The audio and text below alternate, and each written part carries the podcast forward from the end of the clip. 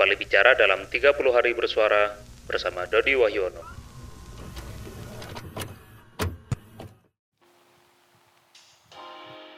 Mengapa sesuatu bermula?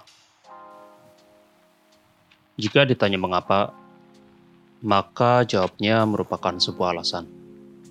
Uh, apa alasan sesuatu bermula? Apa sesuatu yang bermula selalu beralasan? Dan apakah uh, awal mula selalu memiliki alasan yang konkret?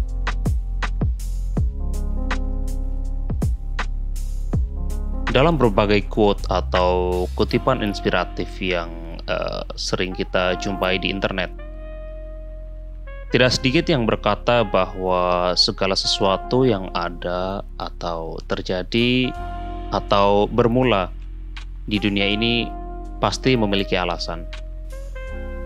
Asumsinya adalah jika yang disebutkan merupakan segala sesuatu yang terjadi di dunia ini, maka awal mula dan juga setiap awal mula yang merupakan bagian dari segala sesuatu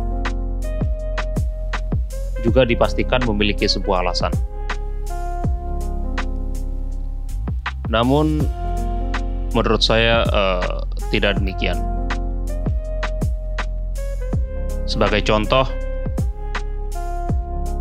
apa alasan atau awal mula terbentuknya alam semesta? Apa alasan konkret dari awal mula segala sesuatu yang ada? Apa alasan yang menjadi awal mula kita ada? Jika yang dibicarakan ialah penyebab, maka jawabnya selalu ada. Hal ini dikarenakan uh, awal mula sebenarnya erat kaitannya dengan uh, hubungan sebab akibat. Seperti uh, awal mula terbentuknya alam semesta yang uh, hingga hari ini diperkirakan um, disebabkan oleh Big Bang atau ledakan yang sangat besar. Namun, jika pertanyaan tersebut diubah uh, guna menyelidiki apa alasan dari bermulanya Big Bang, maka tidak ada satu jawaban yang dapat menjelaskan mengapa alam semesta terbentuk dan mengapa Big Bang bermula. Satu contoh lainnya ialah jika kita berbicara terkait uh, manusia dan juga kemanusiaan. Homo sapiens atau uh, genus Homo sendiri, uh, kalau saya tidak salah ya, um, sebagai disclaimer, saya bukanlah seorang yang ahli dalam uh, biologi ataupun cabang ilmu yang terkait dengan uh, terbentuknya manusia dan lain sebagainya. Namun kalau saya tidak salah, ada dan bermulanya manusia atau uh, spesies Homo sapiens diakibatkan adanya evolusi dari genus sebelumnya yang uh, kini diperkirakan telah punah yakni Australopithecus. Namun jika pertanyaan tersebut diubah guna menyelidiki alasan awal mula Homo sapiens ada, tidak terdapat satu jawaban yang benar-benar secara umum menjelaskan atau mendefinisikan mengapa awal mula tersebut ada. Meskipun demikian, eh, banyak versi yang mengatakan bahwa alasan dari awal mula adanya manusia adalah untuk memimpin dunia. Berkembang biak sebagai sebuah spesies, membangun peradaban, dan lain sebagainya. Namun, sekali lagi, tidak ada satu alasan konkret mengapa Homo sapiens bermula dan ada hingga sekarang. Dan hal tersebut sama seperti semesta, yang dapat dijawab saat ini ialah faktor-faktor kontributif yang bertindak atau berperan sebagai penyebab dan menghasilkan akibat. Tetap saja, alasan yang konkret dan jelas tetap tidak ada. Uh, jika kita tidak benar-benar mengetahui dari alasan mengapa sesuatu bermula, dan kalau dikatakan jika segala sesuatu terkadang bermula tanpa alasan yang jelas, apakah alasan dari sebuah awal mula menjadi tidak penting atau tidak signifikan?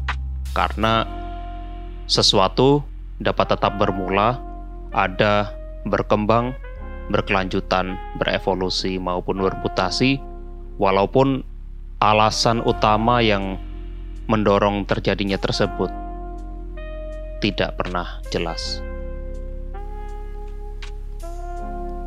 Namun, uh, menurut saya yang terjadi justru sebaliknya. Di situlah letak signifikansi dari alasan sebuah awal mula. Mengapa alasan sesuatu bermula? Menjadi lebih penting dan dapat dikomparasikan dengan faktor-faktor penyebab maupun tujuan dari bermulanya sesuatu. Seperti contoh yang saya uh, kemukakan di atas, yakni tentang teori evolusi, lebih spesifiknya evolusi Homo sapiens dan juga uh, um, tentang pembentukan alam semesta atau proses uh, genesis kalau dikatakan di beberapa literatur uh, keagamaan atau historis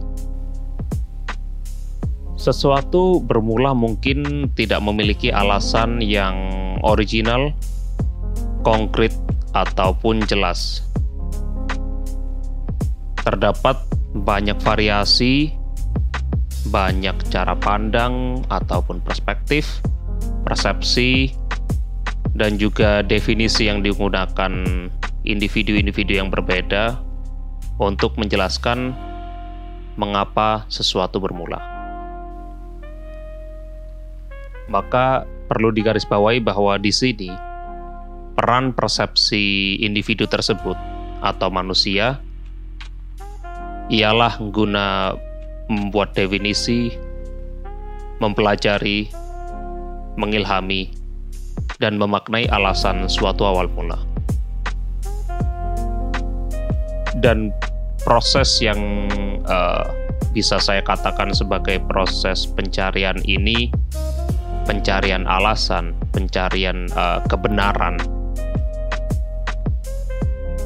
merupakan satu hal yang sangat fundamental dalam kehidupan manusia.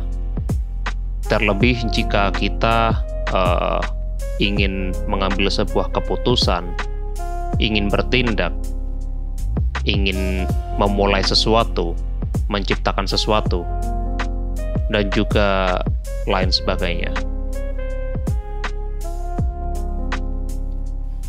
Dengan proses penciptaan uh, pencarian kebenaran dan juga konstruksi sebuah alasan yang kuat bagi kita untuk uh, memulai sesuatu atau menjalani sesuatu, maka